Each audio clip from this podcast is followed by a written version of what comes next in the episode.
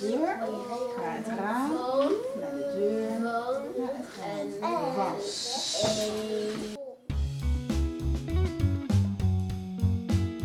Welkom bij een nieuwe aflevering van Chipcast. Chipcast is een wekelijkse podcast over onderwijs. Alles over didactiek, pedagogiek, leren, samenwerken, innoveren, onderzoek, onderwijskundig leiderschap en soms ook filosofie. Leuk dat je luistert naar een nieuwe aflevering. Samen met Malmberg maak ik deze speciale podcastaflevering waarin we op zoek gaan naar persoonlijke verhalen van leerkrachten en docenten die het hart raken. Want leraren en docenten maken dag in dag uit het verschil voor leerlingen en studenten. Nou, genoeg reden om daarom samen te werken en het vakmanschap en de liefde voor onderwijs centraal te stellen in deze podcast. Nou, kijk voor meer informatie op malmberg.nl. De vraag die in deze podcast centraal staat is: hoe geef je goed les aan jonge kinderen in het speciaal basisonderwijs? En ik ga over deze vraag in gesprek met Diana Faber, leer- en gedragsspecialist, specialist jonge kind en bovenal leerkracht op de Michaelschool in Amersfoort. Die staat voor groep 1, 2 en 3. En we hoorden net heel even in het begin een klein audiofragment van een instructie. Ja. Toch? Ja, Ja. klopt. Ja. En waar, waar hebben we dan naar geluisterd? Om het even voor de luisteraar wat. Eh, de kinderen hebben woorden eh, gelezen. Ja, Ehm, het woordje was, als ik het goed hoorde. zeker. Ja. Eh, dat woord gaan ze hakken. W, as, w. En daarna gaan ze ook het woordje met de klankgebaren maken. W, a. Ja. En ik doe alles in spiegelbeeld voor. Eh, want zij doen het dan goed voor. Precies. En door die gebaren kunnen ze vaak ook de woorden goed opschrijven. Ja. Ehm, dus ja, op die manier eh, geef ik instructie eh, als het gaat over ja, eigenlijk spelling, hè, voor woorden opschrijven. Ja. ja, Mooi, even een klein inkijkje. hè. We gaan het hebben over hoe jij lesgeeft en waar jouw drijfveer vandaan komt om Ja. eh, voor het onderwijs te kiezen. Ja. Eh, je geeft dus momenteel les in het speciaal basisonderwijs. Dat is dus de Michaelschool in Amersfoort. Ja. Kan je de school eens omschrijven? Ja, de Michaelschool is van eh, Stichting KPOA en onderdeel van Stichting KPOA. En ehm, ja, het is een school met 140 leerlingen Mhm. ehm, met leer- en of gedragsproblemen. En in mijn groep zitten jonge kinderen, eh, kinderen van vier jaar, van vijf jaar, van zes jaar en van zeven jaar. En sommigen worden in de loop van het jaar acht. Ja. Ja. En, en eh, wat voor soort eh, klas heb je nu eh, dit jaar? Kan je, ze, kan je het een beetje omschrijven? Ik heb nu kinderen tot vier en er wordt er binnenkort eentje zeven. Ehm, kinderen die groep drie programma volgen, dus die zijn, gaan wel een start maken met het lezen. Maar eigenlijk zie je bij die kinderen dat de voorwaarden niet beheerst worden. Ehm, maar ja, als je zes bent, is het wel belangrijk om die start te maken. Ja. Ehm, we hebben kinderen van vier in de klas. Eentje die heel weinig Nederlands eh, beheerst, hè, dus die eigenlijk nog heel veel woorden moet leren. En ehm, eh, de grootste groep is de, een groep met groep 2 leerlingen. Dus eh, dat is het groep 2 programma. En, en je noemt eh, de voorwaarden. Wat zijn, Ja. wat zijn dan voorwaarden waar je aan moet denken? Nou, voor het leren lezen is natuurlijk heel erg belangrijk dat kinderen ehm, over, fonologische bewust, over fonologisch bewustzijn Ja. beschikken. Ja. Eh, dat kinderen eh, verschil horen in klanken. Zeg ik nou drop of zeg ik dop? Hè? Dus dat je dat hoort. Dat je een signaal kan herkennen eh, van woorden. Dat je gewoon ook heel goed leert luisteren. En ik vind het ook wel leuk om met jou daar een, een proefje mee te doen. Oh, want ik Ja. leer kinderen echt heel graag goed luisteren. En, ehm, en in het kader ook van de kinderboekenweek gaat dit over de tuin. ja. Dus eh, ik geef je al een beetje voorkennis. Heel veel kinderen hebben die kennis natuurlijk niet. Maar Nee. ik ga je dus een geluid laten horen uit de tuin. Want ook dat hoort eigenlijk wel bij goed leren luisteren. En wat je nodig hebt voor het leren lezen. Oké. Daar komt ie. Oh, ja. Welk geluid herken je ervan uit je eigen tuin? Nou, ik hoor natuurlijk gezoem, hè? Dus dat Ja. hoor ik, eh, dus de bijen en, de, en wat, wat insecten. Heel goed. En daarvoor, ik meen een vogel te horen. Maar misschien ga ik nu... Een krekel. Een het. krekel? Ja. Het lijkt ook een beetje op gechirp van een... Oh ja, een krekel. Laat je er nog een Ja, horen. want die vind ik zelf Leuk, echt ja. heel leuk. Want vorig jaar heb ik dit ook met kinderen gedaan. Alleen meer met vogels. En die kinderen herkenden elke keer vogels. En dat die ouders zeiden, hoe weten die kinderen dit? Maar omdat ze gewoon heel goed leren luisteren in... Wat hoor ik om me heen? Hè? Dat, Ja, Je zet eigenlijk dat ook aan bij kinderen. Daar komt hij.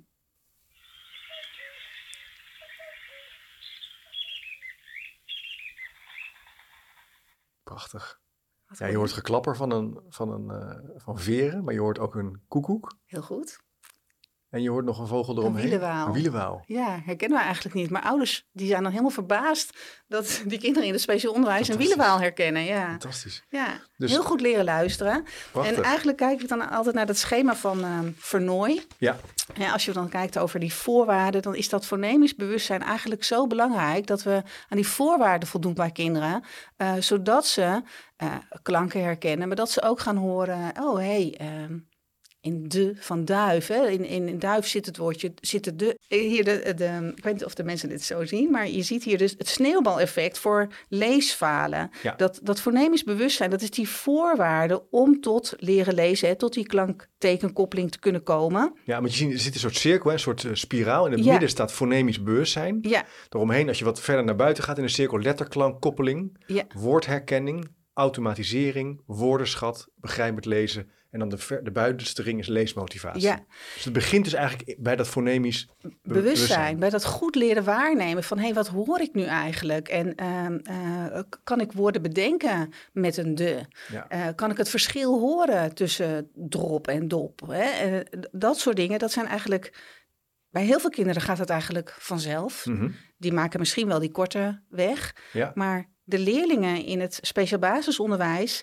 die maken daar best wel hè, heel bewust... maken ze al die stapjes Ja, ja. elke tray moeten ze maken. En soms moet je er een tray tussen maken voordat ze de trap op kunnen lopen.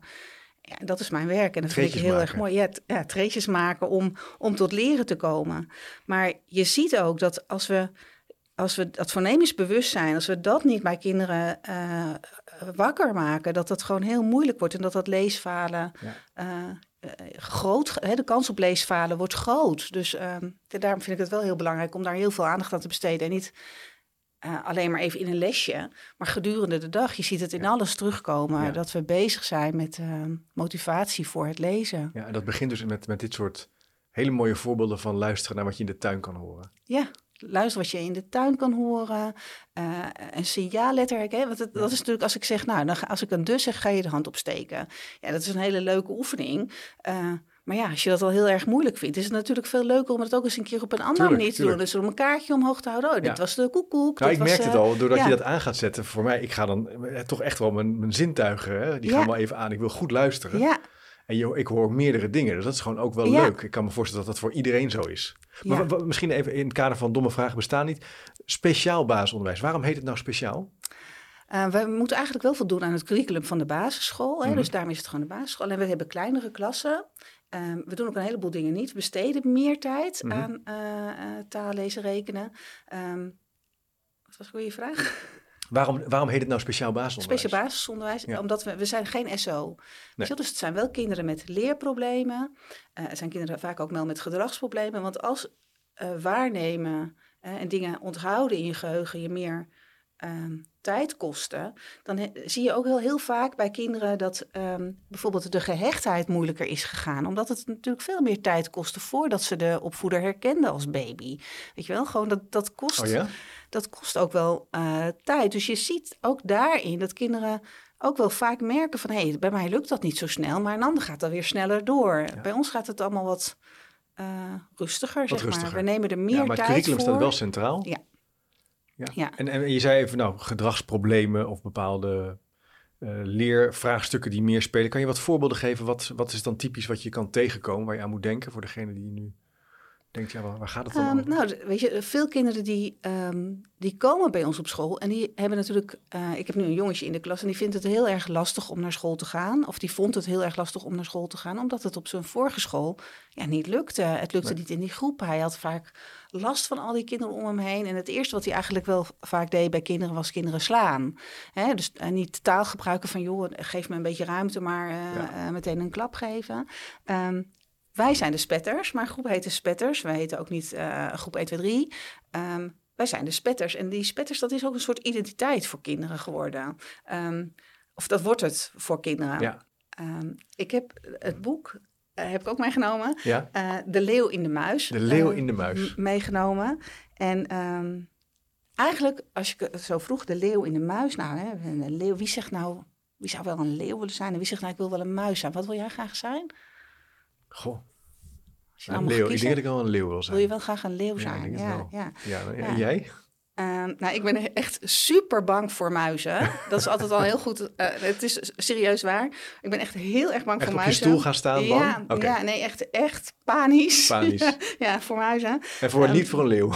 Eh, nou ja, ik zou ook niet durven wat er in het boek staat, maar dan zou ik dan toch maar, de, Toch maar de liever voor leeuw. leeuw kiezen. Ja, omdat ik. eh, maar eigenlijk, als ik het verhaal lees, zou ik liever eh, de muis zijn. en dat wil ik ook de kinderen heel graag eh, leren. Ehm, wat nog wel leuk is om even. wat wil je ze, maar wat wil je ze dan leren?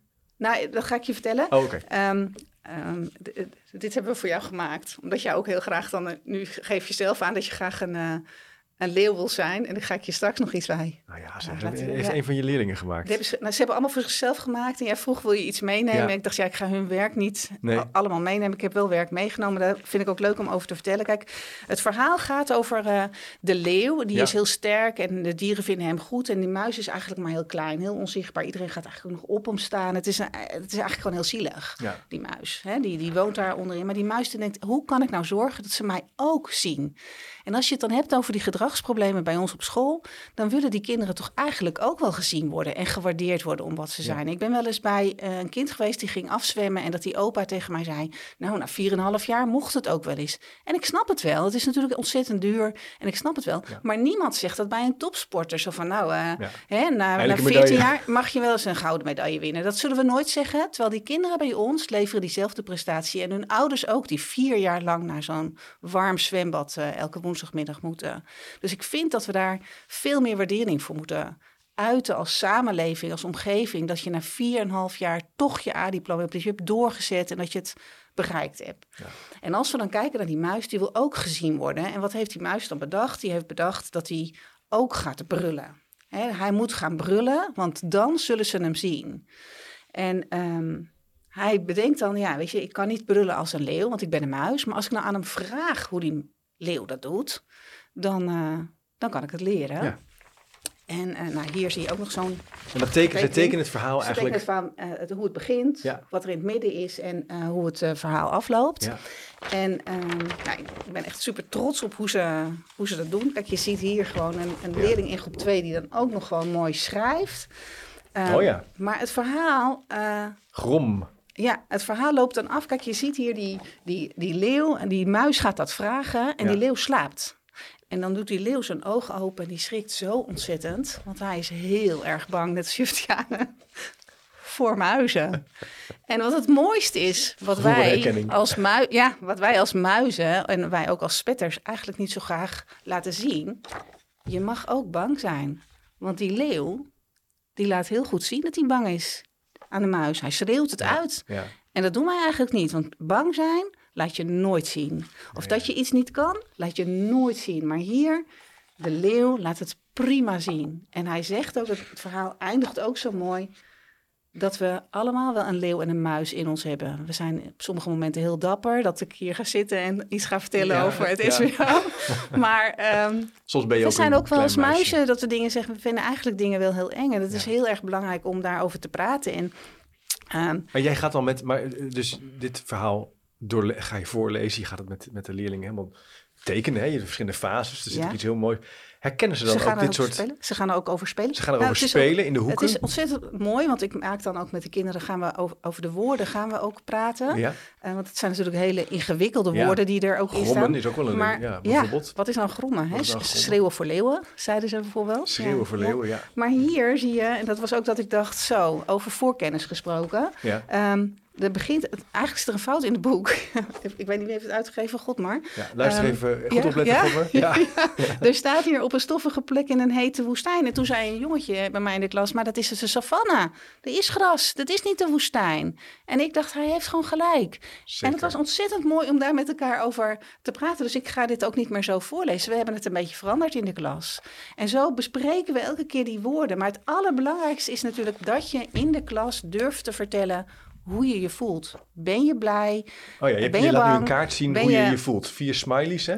Ja, de Eh, basisemoties ja. eigenlijk, die we allemaal hebben. En het is ook allemaal goed, want je mag net als die leeuw echt wel laten zien dat je het eigenlijk heel erg bang eigenlijk bang bent om bij ons te zijn Ja. in je nieuwe groep. Want in een groep functioneren moeten kinderen ook leren. Ook in het speciaal onderwijs. En Want je juist, vertelde net over die jongen die in die eerdere school eigenlijk ook Ja. soms gewoon fysiek eh, zich uitte in plaats van door te gaan praten. Ja, Ik kan me voorstellen dat het voor hem best spannend is. nou ja, precies. En daarom vond dit boek dan? ook zo Dus mooi. Hè? Er zijn dan? hele mooie, eh, eh, mooie, Ja. mooie woorden staan er in het boek. Een mooi verhaal, een mooi poppetje om mee te spelen. En, Ja, ehm, het poppetje dat hebben ze dus ook, heeft een van de leerlingen ook gemaakt. Ja, de- deze hebben ze speciaal voor jou gemaakt. Ik, ik heb er ook een foto van, dus ik ga daar ook nog over een tweet over uitstellen. Dan gaan we straks even een foto maken hè, met, mooi. het, eh, met het poppetje. Ja, Ja, ja, heel goed. Liz heeft het gemaakt. Eh, maar even over die kaart. Het is echt heel belangrijk dat je elke dag even kijkt, maar hoe voel je je nu? En dat je het durft te uiten. Ja. En dat je eigenlijk een leeuw bent als je durft te zeggen: Ik ben vandaag bang dat ik dit niet kan, of ik vind dit moeilijk. En Wat ik heel het- mooi vind wat je ook doet, is dat je het praten over gevoel en eh, beleving en verbinding doet aan de hand van ook hoge verwachtingen. In zekere zin als het gaat over taal, over woordenschat, dat je met elkaar gaat tekenen, dat je de verschillende fases van een boek eigenlijk ook in zekere zin ook aanbiedt. Ja. Dus het is niet alleen maar praten over hoe je je voelt in een soort kindertaal, Nee. maar ook echt Nee. ze iets, iets meegeven. Er zit, ik ga het even opzoeken. Er zit in dit boek een hele mooie zin. En die heb ik die kinderen ook laten. En als ze spelen, dus ze hebben het steen en dan spelen ze het na.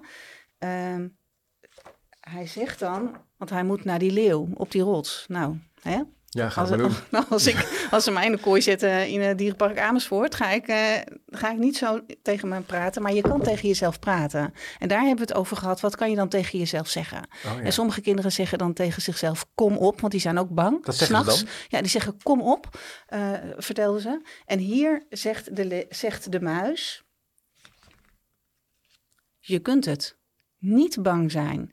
En ik denk, het is belangrijk dat we kinderen ook leren dat je ook innerlijk tegen jezelf praat. Dat hebben we allemaal wel eens. Dat we denken van, nou, joh, ik weet het wel als je je pincode niet weet in de supermarkt of eh, dat soort dingen Rustig blijven. rustig blijven als er iets spannends is. Of eh, je kan het aan mama vragen. Ja. Eh, je kunt het niet bang zijn. Dat zegt de muis tegen zichzelf als hij dus naar die leeuw moet klimmen. En ik leer die kinderen ook eigenwaarde en met, met gebaren. Ze zegt tegen zichzelf, ik ben lief. Je houdt jezelf vast. Ik Ja, je, doet nu zo, je, kruist je handen hè, om je heen, Ja. even voor degene die luistert. Ja. Ik ben sterk. Je maakt spierballen. Oh, je maakt spierballen, ja. Ik ben oké. Oh ja, duim omhoog. Ja, duim omhoog. Want eh, je mag er zijn. Je Hm. bent oké bij ons in de spetters. Je bent een spetter. Hm. En kinderen zeggen dan ook vaak: ja, maar dat betekent dat ik een spetter ben. Hoe heb je die naam bedacht? Ehm, ja, die was er al. Die was er al. Ja, dus dat gebruik je Ja. gewoon gebruikt. Dat Ja, ik je- was heel blij met die naam. Ja, klopt wel. Is ja. gewoon fijn ik om had eerst te groep vijf en ik heb gezegd: mag ik alsjeblieft die naam meenemen? Ja, Want we hebben ook een spetterlied. En eh, een spetterlied. ja, Kijk. ja, wil je dat ik het zing? Wij ook- zijn de spetters, dat is wat ik roep. Spetters, spetters, spetters, spetters, spetters. We zijn een vriendengroep, wij zijn de spetters. Een echte vriendengroep. Op de Michaelschool, bij elkaar in de groep. Helpen spetters elkaar, anders wordt het zo'n troep. Ja, spetter is flink en doet zijn best. Samen met de rest. Nou, Prachtig. ja, Applaus. ja, Applaus. ja anders dapper wordt het, anders Ja. wordt het zo'n, broe- zo'n troep. Ook Ja. heel goed die, Ja. die linkjes die je wel herkent van... eh, Ja. Maar het is ook leuk om Nou met elkaar te ook- zingen natuurlijk. Ook, ja, heel belangrijk. En ook, ook dat je weet van, eh, je doet het samen. Hè? Heel vaak zeg ik, ja, maar ik heb dat niet gedaan. Ik ruim dat niet op. Ja, maar we zijn een vriendengroep, dus Ja. die doen het samen. Ja. Maar dat krijg ik soms ook wel eens terug. Als ik bijvoorbeeld wil dat kinderen hun eigen jas dicht doen. Dat ze dan zeggen, ja, maar we zijn toch spetters? Dan zeg ik, ja, maar ik ben ook je juf. Ja, en ik moet jou het ook leren doen. om het zelf te doen. Als het niet lukt, dan ga ik je helpen. Maar Ja. je moet het ook proberen om het eh, zelf te doen. Wat maakte nou Ja. dat je, dat je hebt gekozen voor dit vak? Voor, en, en specifiek voor het speciaal basisonderwijs? Ehm, nou, mijn eerste baan was in Zaandam. Eh, toen was er heel weinig werk eh, eh, in 1995. Eh, Hm. De banen lagen niet voor het oprapen. En ik had een zwangerschapsverlof die ik mocht doen. En het was een hele spannende eerste dag. Want ja, je gaat dan zonder stagebegeleider voor het eerst voor de klas staan. En nou, ik denk een paar uur later kwam de directeur, die klopte aan en die vroeg of ik even kon komen. En ik dacht echt, oh, wat doe ik fout? Wat, wat is Ja, er aan de hand? ja. ja. wat is er aan de hand? En eh, toen kwam, de, kwam ik bij de politie. Die zat eh, op kantoor bij de directeur. Ja, want een van de jongens eh, was een bendeleider en die had Gamma over, overvallen. En ik moest hem herkennen op de beelden en ik moest hem daarna uit de klas halen. Dus dat was gewoon echt heel erg Mijn spannend. hemel, op je Ja. eerste dag. Ja, ja, mijn eerste dag. En ehm, ja, het was een zwangerschapslof. Dus nou ja, met de kerstvakantie was het klaar. En toen ben ik in Amersfoort gaan werken in het regulier basisonderwijs. Oké, ja. En daar kwam toen op een gegeven moment een orthopedagoog uh, een leerling observeren. En die zei, jij zou echt heel geschikt zijn voor het speciaal onderwijs. En uh, nou ja, toen ben ik daarvoor gevraagd en daar ben ik later dan in gaan werken, ja. Ja, ja, ja, met heel erg veel plezier. Ja, wat, wat is er zo? Wat, wat, wat, wat nou geen kind is natuurlijk hetzelfde. Dat zal ook in het regulier zijn. Maar wat ik zelf echt een uitdaging vind, is om elke keer te kijken van wat kan ik nou bereiken. Hè? Want die jongen die dan andere kinderen uh, slaat, op een gegeven moment was het echt, hè, er, werd, er werd ook gebeld uh, die eerste week van, uh, ja, hè, het wordt geslagen. En, mm -hmm. Geen ouder vindt dat natuurlijk leuk en ik snap nee. wel dat je erop let, maar ik wil toch dat je weet dat, ik dat, dat ze dat niet fijn vinden, ouders. En dat snap ik. Um, maar de dag daarna zijn we daar met elkaar over gaan praten. Wat voor soort handen heb je nu eigenlijk? Want het is natuurlijk altijd gedrag is een keuze, ook, ook al ben je nog maar vijf. Um, en ja, dat waren eigenlijk wel handen die wel aardig waren. Ik zei, oh, nou, dan gaan we vandaag. handen die wel aardig waren? Ja, zijn handen zijn wel aardig. Ja. Okay. Ja, je kan dat zei die zelf? Ja, ja, ja, ik wil wel handen hebben die aardig zijn. Ja, weet je, daar hoort natuurlijk slaan niet bij. Wat hoort er dan bij aardige handen? Dat zei die ook. Van... Dat je gaat, nee, dat vraag ik dan. Ja, okay. Wat nee, hoort er dan bij aardige... Ja. Ja. ja, Probeer even erachter te komen hoe je dat aanpakt. Dus je, voor jou is dat heel, waarschijnlijk heel, uh, of nou ja, impliciet. Maar je gaat eigenlijk met hem dus in gesprek in de groep. Ja over zijn handen. Die handen noemt hij dus aardig. Ik weet niet of ik het in de groep deed hoor, trouwens. Uh, ja. Nee, ik denk dat ik even apart met hem heb gesproken. Ja, okay. Of ik heb apart met hem gesproken en uh, uh, we hebben besproken van, ja, wat wil je nou eigenlijk? Hè? Wil je een jongen zijn waar iedereen bang voor is dat ze denken hij gaat me altijd slaan? Of wil jij wel ook een vriend van ons zijn? En hij koos voor dat laatste. Hij wilde ook wel een vriend okay. zijn. ik zeg maar, wat hoort er dan bij je handen? En die handen zijn natuurlijk niet um, handen om te slaan. Want ja, wil je iemand, een vriend die je elke keer slaat? Dat is natuurlijk niet je eerste keus. Dus um, uh, toen wilde hij wel handen hebben om te helpen. Maar we gingen ook de hele dag, zodra hij um, iets goed deed of aardig ja. was... Ja. of uh, ja. gewoon rustig aan zijn tafel zat of uh, hè, in de kring... Uh, gingen we dat zeggen en gingen we applaus geven. We gingen dat groep. ook ja, in de groep. Ja, dat gaan we vieren, want dat ben jij aan het leren. Weet je, en dan kan je zeggen, ja, dat is toch heel normaal gedrag. Maar voor hem is het geen normaal nee, gedrag. Is... Want hij heeft geleerd, uh, laat ik maar voortdurend grommen. Laat ik ja. maar voortdurend ja. hè, die leeuw zijn. Ja. Um, um, maar hij ging het anders leren. En het heeft één dag geduurd. Uh, dat, hij daar zo, dat we daar zo expliciet voortdurend mee bezig waren. Hè. Ik ben naar de uh, rekencoördinator gegaan, die vierde het met ons mee. En die zat juichend op haar stoel als hij weer kwam dat het niet gelukt was. Want dat is natuurlijk wel wat je dan hmm. moet bevestigen bij een kind. Dat we met elkaar blij zijn dat jij dit ja, aan het leren en bent. dat de klas dus meedoet. En wat, de zag je dan, wat zie je dan bij zo'n jongen gebeuren? Stralen. Ja, gaat hij dan helemaal... Ja, dat is wel heel fijn. Ik kan het nu, hè. Ja, ik ga niet meer slaan, hè, zegt hij ook elke Hij is er keer. ook trots op. Ja, ja. Heb je nou, dus jij zei ook net even zo, gedrag is altijd een keuze. Dus, eh, toch? Dat Ja, dat zei ik, Dat ja. zei je, ja, dat ja, zei je. Ja. dus, jij, dus heeft een leerling altijd, kan een leerling altijd reflecteren op die keuze, denk jij? Dat hij, weet hij altijd al wat het goede is? Ja, misschien Nou, een eh, beetje ik- filosofisch, ik maar daar ben ik dan wel benieuwd Ja, naar. nou, ik denk niet dat je dat, hè, als, ik, als, als je nu een willekeurige eh, leerling van de straat plukt, dat ze dat in één keer kunnen. Maar ik denk wel dat je dat kinderen kan leren. Je kan ze leren door het gesprek te voeren. Ja, wij, ik, eh, elke dag vraag ik ook, wat heb je nu gedaan? Met wie heb je nu gespeeld? Eh, want in het begin eh, eh, werkte ik en dan zeiden ze, hebben ze heeft het heel lang geduurd, hadden ze het over hem of haar. Weet je wel? Ehm, mhm. Terwijl je wil natuurlijk, dat, met wie heb je vandaag een leuk gesprek gehad? Met Chip, weet je wel? Dat je dan iemands naam kent. Dat is ook elkaar echt kennen. Ja. En eh, dat wil je natuurlijk, dat kinderen Dat zou ook gaan doen, tuurlijk. doen. Een beetje En- etiketten. Je leert ook in zekere zin al sociale omgangsvormen. Ja, en, eh, en wat hebben jullie dan gedaan? Waar heb je het over gehad? Ehm, maar dat doen we ook met kinderen, weet Ja, je wel? ja, Ook als ze aan het spelen zijn, dat we terugblikken. Wat is er nu gedaan? Wat ging er goed? Oh, is er iets wat jullie willen laten zien? Ehm, nou, weet je, en zo vier je ook met eh, kinderen Met- de successen. ja. Ja, ja, Dus individuele stappen met elkaar vieren. goede bewust gesprekken maken, voeren. ja, Ja. erop terugblikken. Door wie ben jij nou geïnspireerd? Eh, als het gaat over, om dit te doen zoals je dit nu doet. Ben jij vroeger ook door een leerkracht op een bepaalde manier meegenomen in het onderwijs? Nee, of heb je bepaalde vakgenoten waar je tegenop kijkt? Of, Ik ging, eh, ik ging als eh, jong meisje naar de basisschool ging ik altijd helpen bij Anneke Meijer op de peuterspeelzaal. En ehm, voor mijn opleiding tot jonge kindsmeester sta ik, ik wil heel graag een Anneke Meijer zijn. En ik wil nog steeds heel graag een Anneke Meijer zijn. Terwijl ik ook wel soms denk, ik zou heel graag nu bij haar op de peuterspeelzaal kijken. Hoe ik daar nu tegenaan kijk met de kennis die je nu hebt. Maar wat zij deed, zij zag ook al die kinderen.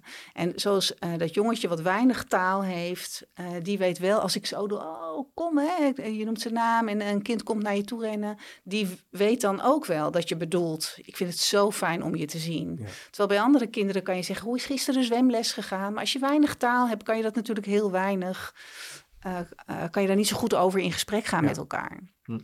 Hm. Um, maar het is wel heel belangrijk. Ik denk dat kinderen ook onthouden welk gevoel je ze geeft. En waar ik heel trots op ben, is dat uh, ik bel altijd voordat we weer beginnen in de zomervakantie naar ouders. Of dit keer heb ik uh, gemaild. En dat ouders zeggen van uh, ja, volgende week ga je weer naar school. Ze waren naar Mexico op vakantie geweest. Zo. En dat kind had gezegd, oh, eindelijk. Weet je, en dat is wel dat ik denk, ja, daar ben ik echt heel trots op. Dat kinderen ook het fijn vinden. Ze vonden het fijn op die peuterspeelzaal. was echt heel duidelijk te zien om in een groep met elkaar te spelen. En, ja. uh, maar ook bij mij in de klas dat het een fijne groep is om met elkaar te spelen. Ja. Super. En ik heb, uh, ik heb ook het idee dat jij ook wel st heel sterk werkt met opbrengstgericht. Hè? Je hebt ook mm. wel echt een aantal uh, hoge verwachtingen en hoge doelen die je ook wilt bereiken. En, je vertelde even in de voorbereiding dat je ook werkt met het gedachtgoed van José Schraven. Ja. Uh, dat past dus ook bij deze, bij deze leerlingen, bij deze kinderen om daarmee te werken. Ja. ja. ja. kan je iets over vertellen? Wat is, hoe, is, hoe kijk je naar lezen, werken, opbrengstgericht werken en misschien ook uh, ja, voor spel? Ja, spel. Ja, ja. Um, nou, ik heb um, uh, um, tijdens mijn opleiding tot jonge kindspecialist, want ik kreeg de aanvangsgroep en ik dacht echt aan hoe ga ik dit nu doen? En dat had ik een, een jaar gedaan en toen ben ik de opleiding gaan doen tot jonge kindspecialist. En toen dacht ik, ja, oh, het is allemaal wel heel erg leuk. Maar dan, ik zag kinderen voor me die het de hele dag eigenlijk het liefst over Dora hadden. Ja. En um, ja, dat ik dacht, ja, om dan uh, met kinderen daar handen en voeten aan te geven. Um, ja, ik ben toch eigenlijk veel meer een leerkracht die... Um, ik zeg vaak, ik ben een leerkracht die de weg weet, de weg wijst en de weg met ze gaat. En dat doe ik omdat ik me heel erg verdiept heb in hoe ontwikkelen kinderen zich nou eigenlijk. En ik ben ook heel erg gaan kijken naar hoe ontwikkelt dat brein zich nou eigenlijk bij kinderen. En uh, er zijn mooie boeken van uh, Betsy van de Grift over peuteren en kleuteren, waarin zij ook wel echt aangeeft, hè, eerst is het nog heel erg dat ervarende brein en vervolgens ga je naar dat mhm. denkende mhm. brein. En dan zijn kinderen zo vijf, zeven jaar dat mm -hmm. ze veel beter abstract kunnen gaan denken. En om te zien dat een de een de is, dat is natuurlijk een heel abstract begrip. Want waarom is de z geen de? Hè? Waarom spreken we de de uit als de en niet de z als de? Um, dus daarin uh, moet, moet je wel een bepaalde mate hebben van abstract denken en van de wereld kunnen klassificeren en ja. uh, uh, daar ordening in aan kunnen brengen. En um, daar heb ik me toen heel erg in verdiept. En uh, ik vond het ook heel erg spannend, want toen koos ik voor doelgericht werken. En echt mijn hele jaarteam koos allemaal voor of, uh, ervaringsgericht of ontwikkelingsgericht onderwijs. Ja. En ik koos voor doelgericht, programmagericht onderwijs. En dat ik dacht, ja, weet je, als ik het niet bepaal voor deze kinderen dan hè, als ik niet weet waar ze naartoe moeten, zodat ze kunnen gaan leren lezen, zodat ze in het aanvankelijk lezen uh, terecht kunnen, uh, hè, tot ontwikkeling kunnen komen, dan zijn ze niet trots en toegerust, maar dan heb ik ze alleen maar tekort gedaan. Dan hebben ze het misschien heel leuk bij me gehad, dan hebben ze heerlijk gespeeld, um, hè, want daar ja. kan ik echt wel voor zorgen. Um, ja. Maar dan heb ik, heb ik ze tekort gedaan voor de rest van hun leven. Wow, dat is ook wel een call to action voor jezelf, denk ik. Vind je niet? Van, dat maakt ik vond het heel spannend. Ja, spannend. Ik, ik had allemaal boeken meegenomen naar ik had mijn, al mijn boeken meegenomen. Want ik dacht, ik word echt helemaal af, eh, ik word afgemaakt en ik moet het heel Afgemaakt goed. door collega's? Uh, nee, nee, of, tijdens mijn, ik wilde natuurlijk heel graag dat diploma halen. Maar ik dacht, wel, ik moet oh, het heel ja, goed kunnen onderbouwen ja, ja, van hoe precies. dat brein werkt. Dat was natuurlijk echt wel gewoon een ingewikkelde uh, materie. Um, maar ook dat je gewoon heel kritisch kijkt naar uh, ja, hoe ziet dan eigenlijk mijn klas eruit. Hè? En uh, die aanvangsgroep, die hele jonge kinderen, die hadden we eigenlijk, uh, ja, we hadden er eentje van vier. Um, en nu hebben we er gewoon veel meer. Hè? Nu is de groep eigenlijk veel groter en is het echt veel meer. En eigenlijk een 1-2, dit jaar zitten er ook weer gewoon wat oudere kinderen die wel echt met leeslijn bezig zijn. Um, Weet je, en dat is wel dat ik denk, het is zo belangrijk dat we, dat we goed kijken ook naar de groep. En daarmee heb ik ook zo'n uh, een kijkwijze gemaakt van ja, ja, hoe, zit, ja, hoe ziet nu die, ik zou hem hier geven, je mag hem ook gerust op, je, op je website zetten. Kijkwijze, van, krachtige leeromgeving, aanvangsgroep. Ja, hè, Daar staan activiteiten, organisatie van de les, een positief, veilig en rijk leerklimaat, betekenisvolle taken, de activiteit van de kinderen, ondersteund door interactie. En dan kan je met allemaal sub-vragen, en die kan je aanvinken van 1 tot 5. Ja, Even voor degene die nu luistert. Ja, en dat vraag ik dan aan collega's. Hè? Dus de orthopedagoog die komt er bij mij en die kijkt dan ook gewoon kritisch met mij mee en dan bespreken we dat. Uh, zodat je met elkaar reflecteert, hey, is het nog wel? Hè?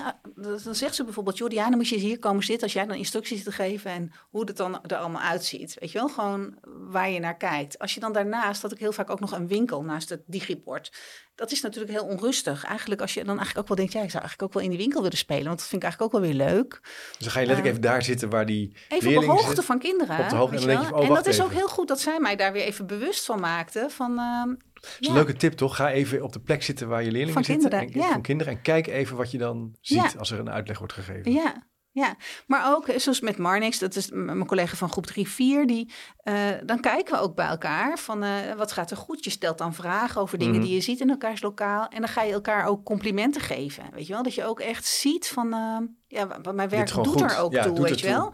En heeft hij ook dingen gevraagd van waarom doe je dat dan zo? Of ik vraag dat bij hem. En vorig jaar, of twee jaar terug hebben we uh, het gehad uh, met lessonstudie over splitsen bij kinderen. Mhm. En uh, ik ging dat spelend doen door dieren eten te geven. En dan zie je eigenlijk ook heel goed die doorgaande lijn bij elkaar. En dat vind ik echt zo mooi om ja, met elkaar ja, ja, goed te kijken. Maar ook elkaar daarin te, hè, ook elkaar te vertellen wat goed gaat. Maar ook daar kritische vragen over te stellen. waardoor je zelf ook weer meer gaat gevoel, denken. Heb je dan het gevoel dat je leer je nog steeds in je werk? van dat soort ontmoetingen? Of heb je het gevoel dat je het wel dat je het trucje wel door hebt, om het even heel plat te zeggen? Nee, ik vind het heel erg belangrijk om, om, uh, om, om, te leren en om te blijven leren. En ook om te blijven kijken. Ieder kind is uniek. Kijk, en nu heb ik dan uh, dit bedacht ja. en, hè, met die leeuw. En dat ja. past ook heel goed bij het jongetje. Hè, uh, waar, waar, ik nu over heb. Maar de volgende keer heb ik een heel andere leerling. Ja. En past Als je elkaar weer iets anders een jaar zou spreken, heb je weer andere... Een andere... Heb iets anders bedacht. En, dus je leert dus eigenlijk nog elke dag Vind ik heel erg belangrijk. Heel, goed kijken naar kinderen. Ja. Goed kijken wat gebeurt er, wat doen ze, uh, wat weet ik. Ja. Um, ik vind het ook leuk om dingen uh, te bestuderen. Ja, het hoort ook wel bij jou. Want ik volg je ja. al bijna wel vier, vijf jaar volgens mij op Twitter. Dat jij, ja. Waar je heel, hele toffe dingen ook deelt hè, op social media over je, over je aanpak en wat je hebt gedaan met de kinderen buiten en binnen. Ja. je werkt bijvoorbeeld ook met muziek. Ja. En, en, en, dat vond ik ook wel interessant. En dat, dat koppel je ook heel duidelijk aan die hoge verwachtingen en dat, nou ja, de, de, doelen die je hebt. Kan je daar iets over vertellen? Hoe doe je dat dan? Want je hebt net al een liedje gezongen, dus je, je bent er ook wel gemakkelijk in. Hè? Je nou. bent er makkelijk mee. Nou, ja. Nou, nee, ik kom wel uit een muzikale familie. Ah, en um, uh, ik liet bijvoorbeeld... Speel je ook een instrument dan? Nee, nee, nee, als enige van de familie niet. nee, nee, zingt, nee, nee. Nou, dus. ja, maar... um, um, um, ik liet kinderen in mijn klas, mijn allereerste aanvangsgroep, liet ik uh, de uh, het vijfde concert, hoornconcert van Mozart horen. En ik liet een foto zien van mijn vader die hoorn speelt. En uh, ik heb later ook aan hem gevraagd of hij wilde komen, want ik vond het zo grappig. Een van die kinderen die vroeg aan mij huppelt jouw vader altijd? En als je luistert naar het uh, hoornconcert van Mozart, dan hoor je eigenlijk ook inderdaad wel een soort huppeltje. En dat vond ik zo'n grappige vraag. En daar plaag ik mijn vader ook vaak mee. Dat van, als hij een, een, hoorn speelt, ben je weer aan het huppelen. Maar Tijdens mijn opleiding tot jonge kindspecialist moest je een onderzoeksvraag nemen. En ik zat in het groepje creativiteit. En toen heb ik de vraag aan mezelf gesteld: muziekonderwijs, ja, wat, waar, waar, waarom doe ik dit? Waar, hè? Want ja. Uh, ja. ja. ze kunnen net zo goed naar de fanfare of naar de muziekschool of uh, balletles. Um, waarom doen we die dingen? Waarom besteden we de tijd aan? Want ik heb heel weinig tijd. Hè? Ik moet zorgen dat die kinderen ook nog uh, verhalen uh, van begin, midden, eind na kunnen vertellen. Ik moet zorgen dat die kinderen kunnen rekenen, dat ze begrip hebben van getallen. Uh, ik moet zorgen dat ze letterkennis hebben. Ik moet zorgen dat ze kunnen rijmen. Kost heel veel tijd, want ja, ze leren minder makkelijk en minder, minder goed en minder snel, zeg ja. ik vaak. Ja. Um, dus dat was mijn onderzoeksvraag. Wat zijn de buitenmuzikale effecten van muziekonderwijs. Want ja, alleen leuk liedjes zingen en dat het een beetje leuk is om uh, met een kind op een uh, xylofoontje te spelen. Is niet genoeg als argumentatie. Nou, vond ik niet genoeg. Nee. en toen heb ik het boek gelezen, De Noten van het Brein van René Kaan. En um, uh, die gaf wel aan dat het zo ontzettend belangrijk was. Ook omdat hè, als je gaat zingen, als wij nu een lied gaan zingen, we laten het Wilhelmus zingen, dan, uh, en jij gaat heel vals zingen, wordt het natuurlijk heel lastig. Of als jij heel hard gaat zingen en ik heel zacht, zal je merken dat we samen gaan middelen. Weet je wel? Dus je stemt eigenlijk al af als je gaat zingen. En je merkt ook dat je, je moet bij zingen een lage ademhaling hebben. Dus je gaat je meer ontspannen. En um, ik vroeg aan um, Uh, en toen heb ik de uitgeverij uh, uh, benaderd. En toen kreeg ik literatuur van René Kaan toegestuurd over ja, de waarde van muziekonderwijs op, op kinderen. En dat was echt heel erg moeilijk. Um, om te lezen. Dus met het woordenboek erbij. Uh, zo'n ingewikkeld was diep, diep neuropsychologische literatuur. Oh, ja, ja, ja wetenschappelijke literatuur. Ja, heel moeilijk vond ik het. Zo, zo moeilijk dat het totaal niet leesbaar is. Ja, nou, nee, dat wil ik niet zeggen. Maar weet je, ik, het is natuurlijk, het is, het is niet mijn vakgebied. Nee, dus dat is, dat is, ik herken natuurlijk... dat namelijk wel bij sommige vakgebieden. Je denkt, jongen, jongen, ja, jongen. Ja, ja. Maar goed, je ging er met het woordenboek. Ik vond het een interessant artikel. En toen kwam ik er dus achter dat uh, muziek en spreken, dat ze eigenlijk drie gemeenschappelijke kenmerken hebben. Dat zijn toonhoogte, timing en En uh, dat wordt in, het, in de hersenen, wordt dat door dezelfde gebieden uh, verwerkt. Dus dat is heel erg belangrijk. Die dat drie je, dingen. Die drie dingen. Toonhoogte, hè, dus uh, ja. hoe hoog je mm -hmm, toonhoogte, timing mm -hmm. en timbre, worden door dezelfde circuits bereikt. En in dat onderzoek lieten ze zien dat kinderen die bijvoorbeeld echt op instrumentjes speelden, um, dat die um, heel erg vooruit waren gegaan. Ze gingen ook spraak beter verwerken. En mijn kinderen begrepen heel vaak niet als ik dingen aan het voorlezen waren. Die hadden het alleen maar over Dora. En weet je, dat, ik moest eigenlijk alles aan ze uitleggen. Um, en dat snap ik. Als je nog nooit in een trein hebt gezeten, dan kan ik wel leuk zeggen: ja. treintje, treintje, tjoeke, tjoeke, tjoek. Ja, weet je. Um, nee. maar het zegt nog steeds Je niks. kan het niet koppelen aan voorkennis, hè? Precies. Um, dus ik dacht, ze moeten in elk geval mij ook beter gaan horen en beter gaan dat, dat beter gaan verwerken wat ik nu eigenlijk zeg. Want dan kunnen ze wel die dingen leren. Dan kunnen ze het zien. Dan kunnen ze... Ja. Dus um, nou, zo ben ik daar uh, toen mee bezig gegaan. En ik, ik, ik kwam er steeds meer achter hoe waardevol muziek eigenlijk is. Juist ook voor het onderwijs. Omdat je... Dat jongetje wat nu bij mij in de klas zit, wat eigenlijk nauwelijks Nederlands spreekt, die weet wel goeiemorgen, omdat we dat allemaal zingen. Um, Um, waardoor die dat ook zich makkelijker eigen maakt. Dus het is ook heel erg mooi om juist um, muziek te gebruiken om het onderwijs beter te gaan. Hey, je merkt, jij gaat ook beter luisteren. En wij gingen ja. als team, en dat was, vond ik echt heel erg leuk. Ik had een leren netwerk en mijn hele team ging meedoen. Omdat eigenlijk, als je aan mensen om je heen vraagt, hou je van muziek? Ja, dan zegt iedereen wel ja. ja. Weet je wel, er zijn misschien twee mensen die...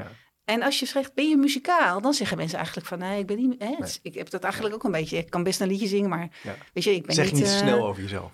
Nee, nee, ik ben een Belgische zangeres, maar ik kan wel zingen, ja. weet je wel. En jij kan ook zingen. Um, alleen durven we het niet te zeggen. En dat zie je ja. ook wel in het onderwijs. Want iedereen ging meedoen. En we gingen, voordat de kinderen uh, naar buiten gingen, pauze houden, gingen wij klassieke muziek luisteren. En dan mochten kinderen op de grond liggen op een handdoek. Of ze mochten gewoon lekker wat kleuren. Of uh, sommige kinderen zaten met van die tangels een beetje te draaien.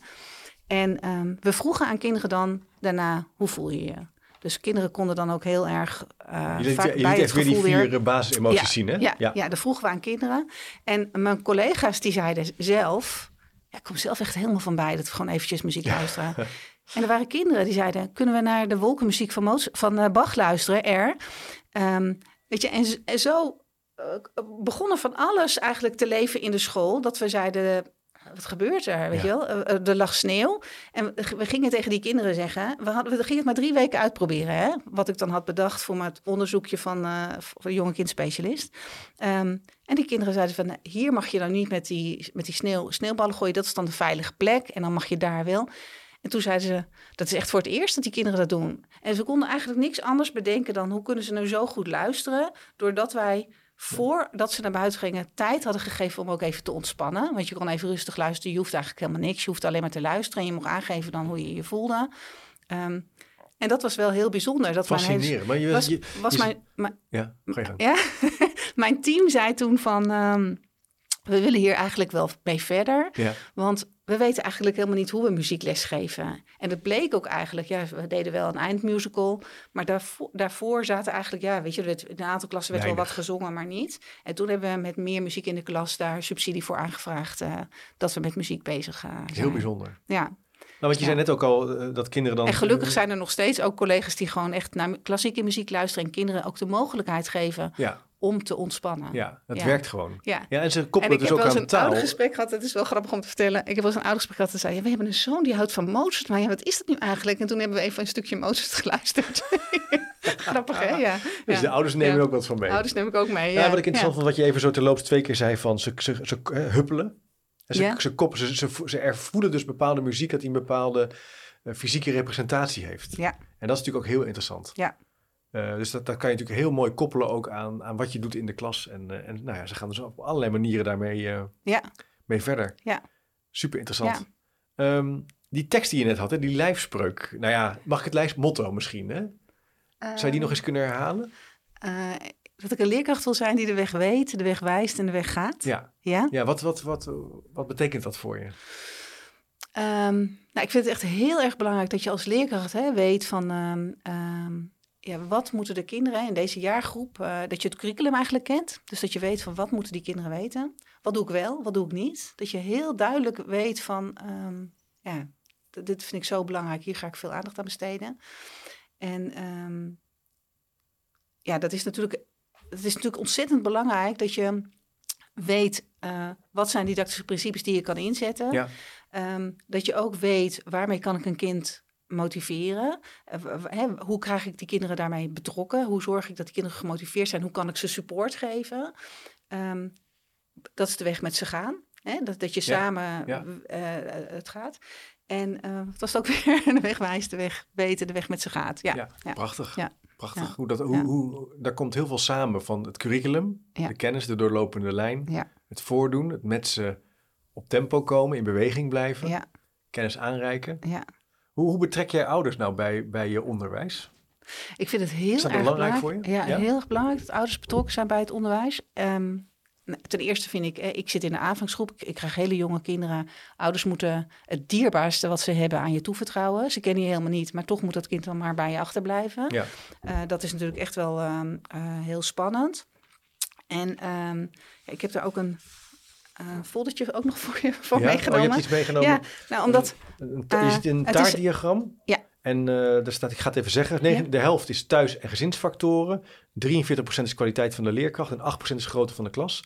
De dingen die invloed hebben op het leren, lezen en rekenen van kinderen. Ja. En de bron is, ik zal het even ook op de website plaatsen, Ja. Zijvat, Gelderblom en De Vries uit 2009. Ja. Ja. En wat, wat En- maakt en het? nou, ja, nou, het eens waar ik me zo van bewust ben, is dat eigenlijk wat er thuis gebeurt, hè, zoals een Ja. jongen die van, van vier jaar, hij kwam net van vakantie terug, waarin hij alleen maar Arabisch heeft gehoord en dan komt hij bij mij in de klas en dan zit je in een klas met alleen maar Nederlands. Nou, hoe spannend moet dat zijn? Eh 49% van hoe ouders eh, eh, naar de leerkracht kijken, maar ook hoe ouders eh, ervoor zorgen dat een kind uitgerust naar school komt. ehm, eh, hoe ze over de juf praten of hoe, hoe ze over school praten. Soms zie je ook dat kinderen die komen thuis en vervolgens ligt het al in de prullenbak eh, bij de school. Dat je denkt, het is niet eens meegegaan eh, hoe dan? Ehm, dus zo belangrijk is het hoe daarnaar gekeken wordt. En zeker als we gaan lezen, of leren lezen, als we bezig zijn met letters, als we, dan kan je als ouder ook bij betrokken zijn. Hè? Dus als je. eh, ik Ja, het kan, maar hoe doe je, maar hoe, maar, natuurlijk kan het, maar hoe doe je dat dan? Ga je dan met ze, bel je ze dan op? Eh, praat je met ze? Want, Ik praat met ze. Ja. Ik doe het ook heel vaak voor. Ehm, eh, wat we dan doen. Bijvoorbeeld met het spelen of met het leren knippen of het het leren aanknepen. Ja, Ja. Dat, is hoe, hoe ik dat doe. Dus Ja. eh, ik, ik, ik laat ook vaak zien hoe ik dat doe. Ik, zit, eh, ik heb bijvoorbeeld een tas met allemaal klanken erin. En dan zeg ik eh, de t van thee en de t van teen. Weet je wel, dat ik dat dan laat zien. dan als komen ik ze even binnen in de klas of Ja, een oude gesprek. oude gesprek en dan ja. ga je het gewoon voordoen. Ja, ja, en ik zing daar vaak een liedje bij en ik laat dan die letter zien. Ik zeg, maar dat kan je thuis ook doen. Hè? Deze letters vinden ze nog heel lastig. Ehm, en je kan dan ook vragen, hè? als je, we zitten nu aan tafel, Chip, kan jij iets aanwijzen met het? Ja. Nou, dan pak je de thee of eh, Ja, ja, ja. Hè? ja dat, eh, Dus je, je, gaat er niet, je gaat het ook gewoon doen. met ouders. Ja. Ja, in plaats en ouders gaan het dan ook doen en dan die gaan het ook beloon ik ze ook weer. Ja, ja. Ja, dus Ja. ja, diezelfde filosofie, die onderliggende positieve beweging, positief bekrachtigen, maar ook gewoon een hoge verwachting, Ja. doe je ook met de ouders. Ja. Ja, zo zijn er ook wel ouders die eh, bijvoorbeeld een briefje schrijven. ehm, hè, of je stimuleert het ook op, eh, op hun broodtrommel of eh, op hun ehm, eh, banaan een tekstje schrijven. En dan zorgen die kinderen ook weer dat er iets terugkomt, een tekening. Of ik schrijf er iets bij. Of net Ja, waar ja. tijd Dus je probeert ook die uitwisseling... Nee, weet je, juist ouders moeten ook de waarde van lezen eh, zien. Weet je? wel. En ik lees dan de krant en dan zegt ze, ja, maar ja, eh, ik heb geen krant. Ik zeg, maar je hebt wel een folder. En dan ga je in de folder, ga je samen met een zoon of dochter ga je kijken, wat gaan we kopen in de winkel? En dan gaan we dat uitknippen, want hè, dat is ook een ja, briefje. en je merkt je dat ze het ook gaan Ja. doen. Ja, gaan heel veel ouders wel doen. Ouders ja. gaan doen. Ja, Ja, ja. dat is natuurlijk wel, je doet ook een krachtig appel, hè? Als, Ja, als, ja. eh, als professional. Op, Ja, maar we eh, zijn natuurlijk wel gedeelde verantwoordelijkheid. ja, maar dat benoem alleen- je ook, hè? Van we doen ja, het samen. Ja, we doen het samen. En ook, we doen bijvoorbeeld bouw. Ja, weet je, dat kan niet alleen maar bij ons. Want Nee. weet je, als we het gewoon twee weken niet doen, als het vakantie is, ja, dan is het weg. Dus in de herfstvakantie moet je echt volle bak aan de, aan de gang. En daarin moeten we ook ouders in ehm, het speciaal basisonderwijs gewoon belonen. Want niets in die ontwikkeling gaat vanzelf. Als je vier jaar lang naar het zwembad moet gaan, als je een, een jaar lang misschien wel achter de fiets moet rennen om een kind te leren fietsen. Het is echt een inspanning van ouders. En ouders, als ik kijk, ik heb een moeder in mijn klas die gewoon maakt een mandje, die maakt dobbelstenen, die zit elke dag met haar dochter eh, te oefenen. Zij verdient gewoon ontzettend veel waardering. Een gouden medaille. Nou ja, dat vind ik wel, ja. ja. Ja. Dat vergeten we een beetje. Dat het belang daarvan. Nou, het dat, erge is, is dat er, het wordt eigenlijk toch altijd een beetje gedaan, het speciaal onderwijs. Ja. Heel veel ouders denken ook al dat het een kind is wat opgegeven is. Terwijl die kinderen hebben ook kansen. Ik ben ontzettend trots op Marco. Hij werkt bij de Hoogvliet in Soest. Eh, het is echt de vriendelijkste eh, medewerker van Soest. Hij is ook beloond door eh, zijn werk. Het is een oud leerling van mij. Hij was toen als kind al gewoon dat hij, ehm, eh, nadat ik geopereerd was voor mij, de mat ging vegen. En, Ja, ja, eh, weet je, en ik denk nog steeds, doet het ertoe. Hij Ja. is gewoon blij dat Ja. hij kan lezen en dat hij Ja. de groente kan verzorgen eh, bij. Nee, ik vind het wel eh, belangrijk wat je hiermee zegt. Want wat mij ook opviel op Twitter, dat er ook ouders waren die jou weer bedankten hè, voor het begeleiden van hun Sanne, kinderen. ja, Sanne is geweldig. Dus daar zie je wat, wat voor impact jij eigenlijk hebt hè, op, het, op het leven van, van kinderen, maar ook van ouders. Maar ook het verdriet van ouders. Want ze is niet vergeten Nee. dat Nee. op, in het regulier basisonderwijs dat, er, dat het opgegeven werd. Dat er eigenlijk gedacht werd, het kan niet. En dat is ook inclusief onderwijs. Het is heel mooi, maar eh, kinderen lopen er ook gewoon een risico. Ik krijg soms kinderen van inclusieve scholen, van hoogopgeleide ouders in mijn klas. En die kinderen zeggen, ja, ik doe nooit mee met die dingen. Nee. Weet je wel, die hebben al helemaal het opgegeven. Hun zeg, hele identiteit is al eh, Ja. zo, zo gevormd, hè? Ja, en dan weet je, een lief, sterk, oké, maar je gaat ook met me meedoen, weet je wel? Gewoon, eh, ja. Maar wat belangrijk dan dat jij daar wel verschil in maakt, eh, Diana. We hebben een ontzettend leuk gesprek gehad. We zijn denk ik nog niet klaar, maar Nee, ik wil nog één we ding moeten misschien naar het laatste punt gaan. eh.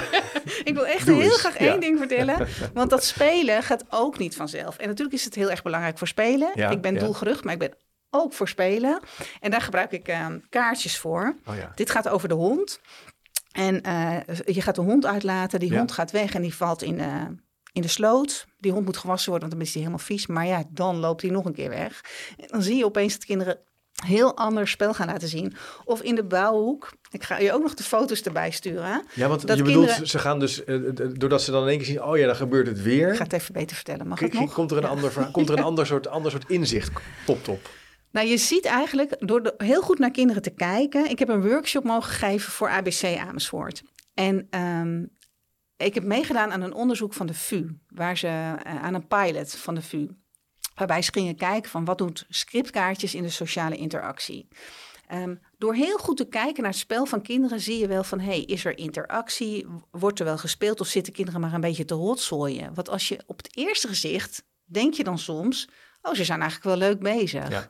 Terwijl het is eh, een pannetje vullen, pannetje omdraaien, taart. Pannetje vullen, pannetje omdraaien, taartje taart. Weet je? Eigenlijk is het geen spel meer als je dat gewoon twee weken lang aan het Doen, bent.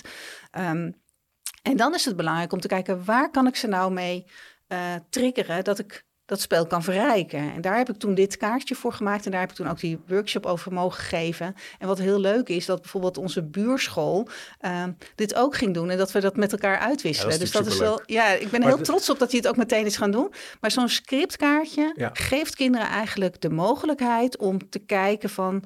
ehm, ik, ik heb een idee. Ik ga dus die hond uitlaten. Dat gingen ze samen doen. Ze hadden daar heel veel eh, plannen over. En We hadden het ook voorgedaan, samen gespeeld. Maar vervolgens gaan ze dit zelf spelen. En gingen ze nog naar de supermarkt. Want dat hadden kinderen dus eigenlijk wel gezien. Bij de supermarkt staan honden buiten. Oh ja. En wat gebeurt er dan? En dan gaan, wordt er een. Het eindigt ook een eigenlijk altijd met een probleem. Ja, ja, ja dat is goed. Want hier Nou, ik heb toevallig hond- hierover eh, vorige week met Paul Lezeman, hoogleraar orthopedagogiek, gesproken over begeleidspel, ook in de voor- en vroegschool. En die liet ook zien op, op basis van een grootschalig onderzoek eh, in Rotterdam, dat als er eh, een, een professionele begeleiding zit op het spel, dat achterstanden bijvoorbeeld bij kinderen die dus een achterstand hebben, in- ingelopen wordt tot 50 tot 75 procent op iets van taal en ook uh, inzicht in rekenen. Dus het is Ja. een enorme impact. Ja. Dus dat spel is iets heel serieus eigenlijk. Hè? Wat, we, wat we eigenlijk, voor mij was het wel een inzicht, dacht voor volgend jaar voor de podcast, waar we wat meer over te weten moeten komen. Hoe je in die vroege, vroege fase, maar ook in, in, dus in jouw eh, wereld eh, en bij jouw kinderen, eh werk kan maken van spelen. Spelen is heel erg belangrijk. Ja. Maar we vergeten, we denken Ja. vaak dat kinderen dat allemaal wel kunnen. Ja. Maar dat kunnen ze Laat ze maar in die hoek. Maar die, Ja, die hoeken ze zijn hebben- belangrijk, maar ze het is hebben veel meer dan Ze dat. hebben bijvoorbeeld helemaal niet veel ideeën. Ik heb bijvoorbeeld een vuilniswagen Oh ja, dit is ehm, van... eh, in mijn klas. Ja, dit deze is van. Ja, maar Of- ik heb dat staan en dat vonden de kinderen heel erg een leuke vuilniswagen. Maar vervolgens werd er een beetje met die auto heen en weer gedaan en er werden wat blokken neergegooid. Maar verder. Ja. Ja. Dus toen dacht ik, hé, hey, hier ga ik iets mee doen. En dit is dus het afvalstation. En volgens de kinderen, hier moet het glas in. Oh ja, gaan ze En hier moet, ja, ze gaan, dus, dus nou ja, goed. Maar dit wordt dus ook echt nu zo gebouwd. Hè? Ze best hebben een ingewikkeld- idee. Ja, Ja, het is een heel nu, eh, ingewikkeld kaartje. Niet kijkt. Als je kijkt zie je een heel mooi eh, blokken, blokken eh, Bouwsel, huis, bouwsel met echt verschillende verdiepingen en constructies. Verticaal en horizontale balken. En Ja, je nou, ziet ze het echt maken. En dat komt omdat je ze het idee geeft. Je kan er Ja. niet van uitgaan dat Nee. kinderen het allemaal maar, maar weten. Nee. Ja, maar dat is ook de, de allereerste gedachte is van, het, het zit er wel in. Je moet het wel iets erin stoppen. Hè? Dus Je, moet ze kennis moet geven. kennis ja, geven, je moet, een verhaal je moet, vertellen. Je moet over woorden, niet alleen maar voorlezen, maar je moet over die woorden hebben. Maar zo moet je ook met ze naar het spel kijken. Ja, Diana, superleuk. Ik denk dat wij nog wel eh, een dag hierover kunnen praten. Aan de hand van alles wat je Ja. hebt meegenomen. We hebben Ja. best wel veel besproken. Ik vond het ontzettend, ontzettend leuk om Nou, met je te praten. Fijn dat jij het leuk vond. Ja, ik, hoop, andere mensen ook. Ja, ik hoop het. Laat Als je nu luistert, ja, laat ons weten via chipcast.nl Ja. slash eh, vraag of doe mee. Kan je altijd een berichtje achterlaten. Je kan een voicemail bericht achterlaten of even via de sociale media je reflectie delen. Eh, vind ik hartstikke leuk, maar dankjewel voor je tijd, eh, Diana. Ik blijf het graag volgen. Ja. Ehm, Gaf meer informatie over de bronnen die ook voorbij kwamen in de podcast, de muziek en de verschillende ja, materialen die ik heb gemaakt. Even naar chipcast.nl. Vergeet niet te abonneren op de podcast. Dat kan ook op YouTube als je kijkt. Dat vind ik altijd wel leuk. Ja. En deze podcast is dus in samenwerking met Malmberg. Kijk voor meer informatie over wat Malmberg allemaal doet op www.malmberg.nl. Ontzettend bedankt voor het kijken en of luisteren. En tot de volgende keer. Diane, veel dank. Dankjewel.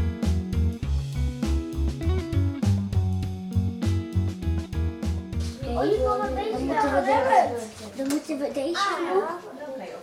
We hebben hier al die letters uitgeknipt. Mijn schaar leg ik bovenaan. Kijk even goed hoe ik het doe. Dan ga ik eerst kijken op het bord naar de eerste letter. Dat is welke letter? De he. Heel goed, de he. is het woordje 4.